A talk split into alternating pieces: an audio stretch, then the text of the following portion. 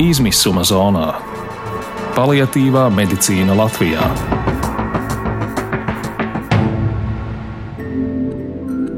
Īstenības izteiksme 15 minūtēs.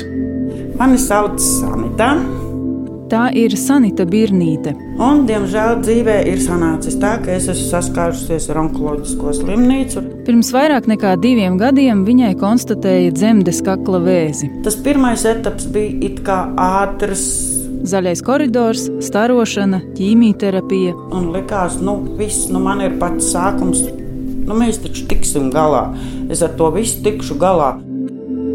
Bet slimība tomēr nekur nepazuda. Viss turpinās. Garas rindas uz izmeklējumiem, un tad spriedums. Ārstu koncīlijas pasaka, ka neko vairāk nevar darīt. Nu, kad es tieku nodota paliatīvai aprūpē. Par šo laiku Sanita stāstīja manam kolēģim Kristapam Feldmanim. Kopš viņu sarunas ir pagājis pusgads. Darbs, mājas. Es kāpēc viss tā sakārtojās, kad atradu laiku gan aizbraukt uz laukiem, izteigāt savas bērnības takas, un visu bija gan viens moments, kad atkal sašķobījās veselība.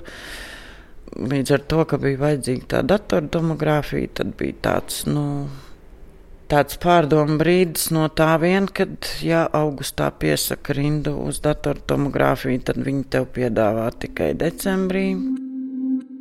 Rudenī Sanita saprot, ka atkal jāiet slimnīcā un piekrīt mūsu aicinājumam rakstīt audio dienas grāmatu. Ir pagājis gads, un atkal pošos uz paliatīvās aprūpes nodaļu.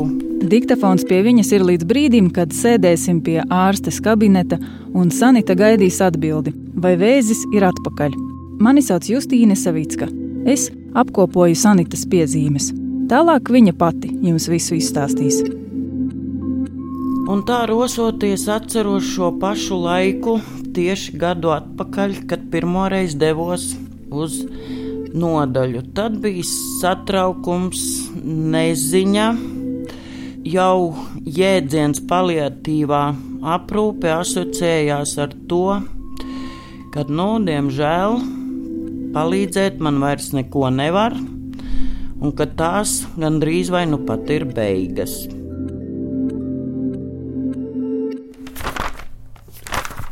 Ir trešdiena, pirmā diena nodaļā. Iestāšanās notika ātri, bez liekas gaidīšanas. Redzu vairākas pazīstamas māsiņas no pagājušās atrašanās nodaļā. Tagad gan šī nodaļa ir pārcelta uz Biķernieku slimnīcu. Atmosfēra liekas mierīgāka, ne tik nomācoša kā Gaļģezerā. Personāls jauks, laipns, iejūtīgs. Nemaz tik ilgi nebija jāgaida, kad bija pirmā tikšanās ar ārstējošo ārsti. Kā jūtos, kas uztrauc?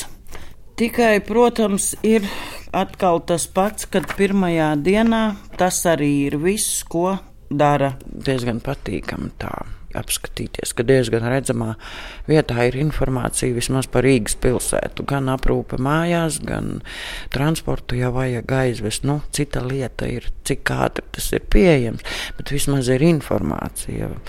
Par to pašu dzīvības koku nometnēm grafiku redzēju. Bija.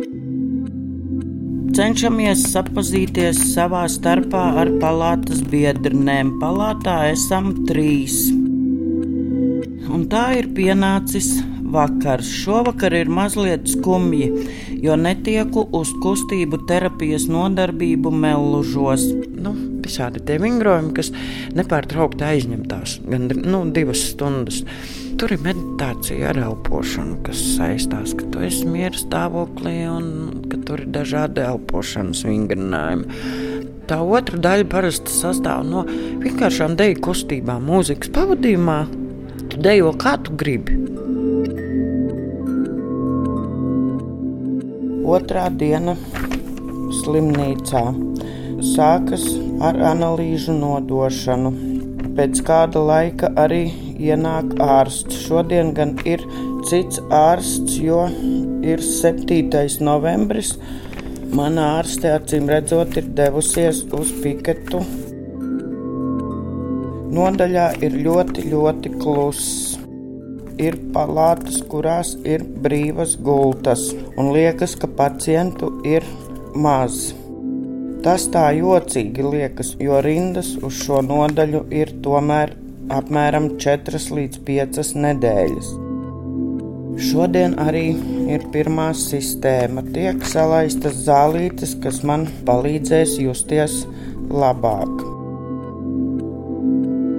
Dienas lielāko daļu tā arī ņemos ar radīšanu un sarunājoties ar palātas biedrinēm. Jau ir sestdiena. Kā jau brīvdienās nodaļā pavisam kluss, izņemot māsiņu rosīšanos.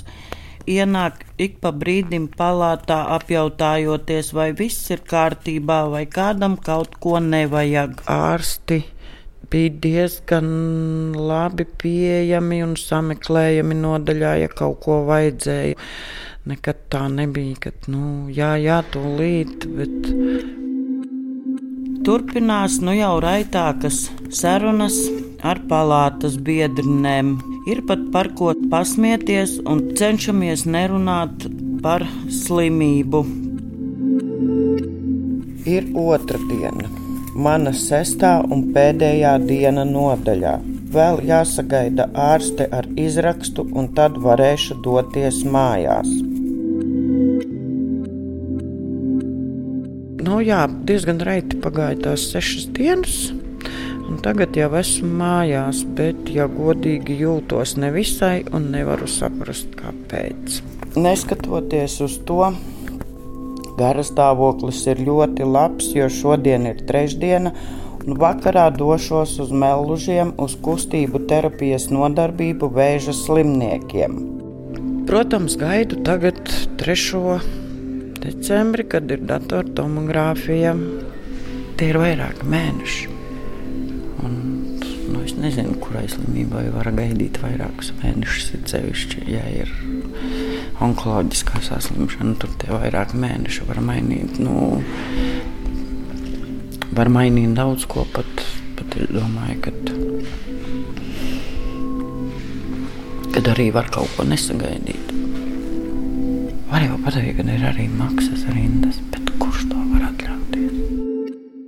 Kāds varbūt teiks, jā, kad mm, ideāliste vai grib nezinu ko, un taču ir tā, kā ir. Kad, bet es nedomāju, ka tas ir daudz prasīts, lai kaut vai vēža slimniekiem tā speciālistu pieejamība būtu labāka un krietni labāka. Tāpēc, ka būtībā nu, tas ģimenes ārsts, jā, ģimenes ārsts, bet viņš, lai viņš cik labs būdams, viņš visās niansēs tāpat mums palīdzēt nevar. To informāciju, vai tev ir nepieciešama tā slimnīca vai ko, to jau izlemj speciālisti, kas tieši strādā tajā jomā. Un, ja man pie viņiem ir jāgaida, piedodiet, atvainojiet, divi, trīs mēneši, nu, taču viss iet uz priekšu. Gan, gan medicīna, gan viss, un, un mēs tajā pašā laikā jūtamies bezpalīdzīgi, bezspēcīgi arī informācijas trūkums par tām pašām izstādām nodarbībām vēža pacientiem vai psihologa, psihoterapeita konsultācijām, kad visi mēs esam nobijušies. Mēs negribam iet, jā, ko par mani teiksies, teiksim, apmeklēju tādu speciālistu. Un nav jau arī informācijas, tāpēc, ka inform ne, informācija ir, bet visur pretī stāv kaut kāds cipars, kaut kāda noteikta maksa, teiksim, 20, 30 eiro par vienu konsultāciju, un nekurš katrs to var atļauties. Un nav arī tā skaidrojuma, ka tas nav nekas briesmīgs, ja tu ej pie psihologa vai psihiatra. Tas ir pilnīgi normāli, tāpēc, ka, nu, varbūt kāds ir tik stiprs, ka pats tiek ar to visu galā, vai, vai, vai ģimenes locekļi ir tik stipri, ka to visu tiešām to tur, bet, nu, Un lūk, tiku uz datortomogrāfiju, izmeklējums ir veikts, tagad atliek sagaidīt rezultātus. Un tie man taps zināmi 11. datumā. Uzreiz nedēļu pēc tam ir vizīte pie ārstes, kur nu taps skaidrs, kas ar mani notiek. Jo būtībā tagad, izrakstoties no slimnīcas, ir tā, ka man ir tā aprūpe nozīmēta vairāk mājās. Sistēmas un, un viss ir, es varu to brīvi veikt mājās. Nu, jā, neziņa.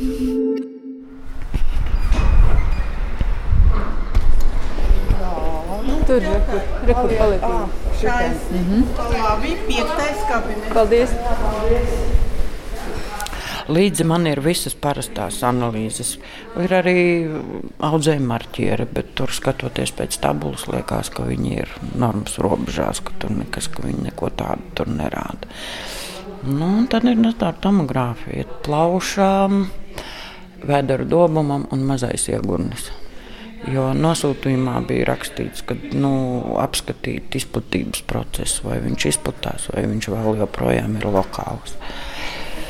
Tur es uzzināšu kabinetā, ko rāda datortomogrāfija, jo tie rezultāti ir pie doktora.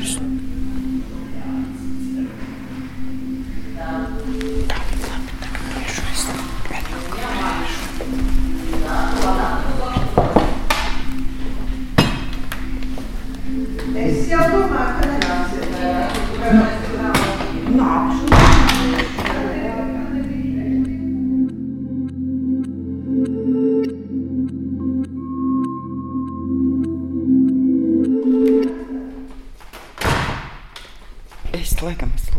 Laimīgākais cilvēks pasaulē. Izrādās, ka man viss ir kārtībā. Man ir remisija. Fuh. Var mazliet atslābt.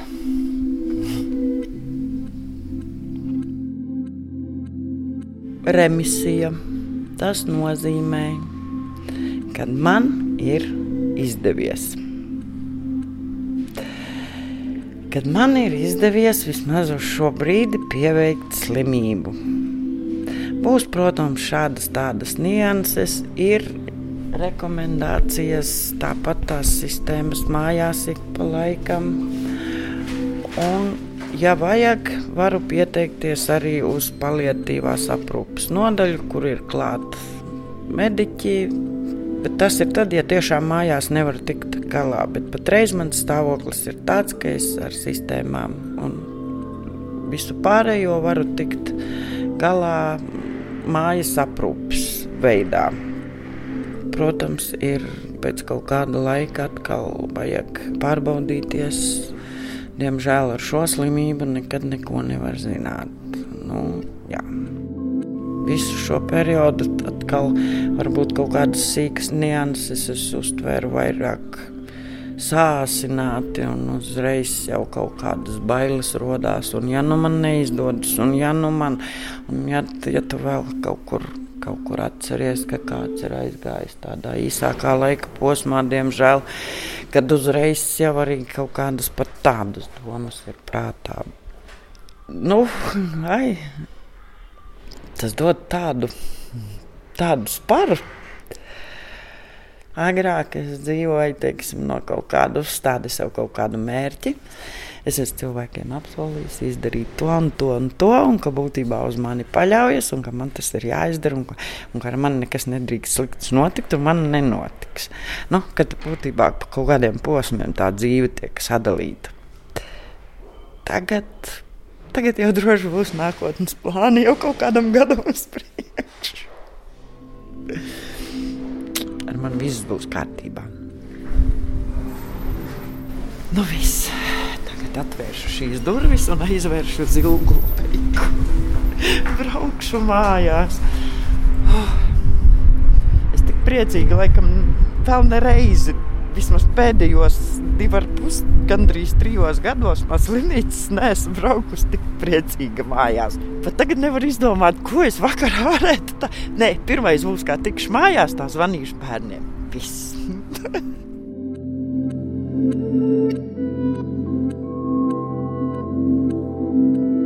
Ar Sanitu Birnīti sazvanāmies nākamajā dienā pēc priecīgās ziņas. Viņa līdz galam nav sapratusi, vai vēzis patiešām ir pazudis. Laikam ir.